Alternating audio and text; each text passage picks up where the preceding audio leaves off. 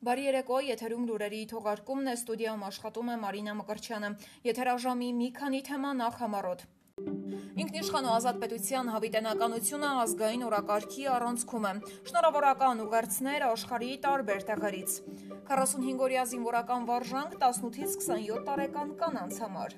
ՀՀ քաղաքացիներին կթույլատրվի Ռուսաստանի Դաշնությունում վարորդ աշխատել, ազգային վարորդական վկայականով։ 2022-ին Շուշին կդառնա Արցախի ազգային ժողովի նստավայրը։ Հայ երկը դարերից ծրագիրը ներկայացնելու է հայ երաժշտության իրական ակունքները։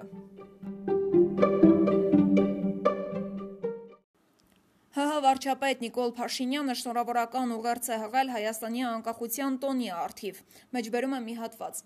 1991 թվականին մենք չգիտեինք, թե ինչպիսին է լինելու 2020 թվականի Հայաստանը ու բազմաթիվ օբյեկտիվ ու սուբյեկտիվ հանգամանքների բերումով ժամանակ չտրամադրեցինք այսօրվա մասին մեր պատկերացումները ձևակերպելու եւ դրանց իրագործումն ամենօրյա անելիք դարձնելու վրա։ Բայց ժամանակը մեզ անխուսափելիորեն կանգնեցնում է նման խնդրի առջև։ Մենք չենք կարող սպասել 2050 կամ 2100 թվականի գալուն տեսնելու համար, թե ինչպիսին է դարձել Հայաստանը։ Մենք պիտի պլանավորենք այդ Հայաստանը, կծագրենք ու կառուցենք այն այսօրվանից։ Ըստ այդմ, օրվա բազմաթիվ ու բազմապիսի հարցերի երբեմն հուսահատեցնող ու շփոթեցնող հեղեղից պետք է առաջնահերթություն տանք նրանց, որոնք մեզ կապում են 2050-2100 թվականի Հայաստանի հետ։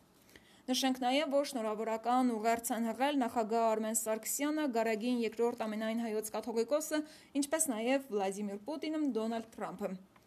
անկախության տոնի կապակցությամբ 2020 թվականի սեպտեմբերի 20-ից 22-ը ներառյալ Երևանի հեռուստաաշտարակը կգունազարդվի ՀՀ պետական դրոշի երանգներով։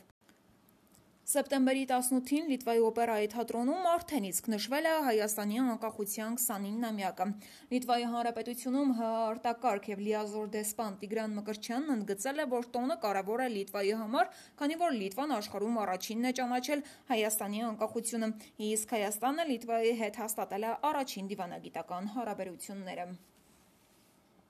ՀՀ առաջին տիկին Աննա Հակոբյանի նախաձեռնությամբ եւ ՀՀ պաշտպանության նախարարության աջակցությամբ կանցկացվեն 18-ից 27 տարեկան կանանց զինվորական պատրաստության վարժանքներ։ Տեխնացուները կմասնակցեն հարցազրույցի, կանցնեն համալիր բուժզննում, հոգեբանական թեստավորում։ Մասնակիցները 45 օր կվերապատրաստվեն զորանոցային պայմաններում, նրանց օրը կսկսի 630-ից վեր կացով, այնուհետև մարմնամարզություն, նախաճաշ, դասարանային եւ դաշտային պարապմունքներ։ Տեսակցությունները, արձակուրդները զորամասի տարածքում տեսաձայնագրման եւ տեսանկարահանման հնարավորություն ունեցող հեռախոսների օգտագործումը կարգելվի։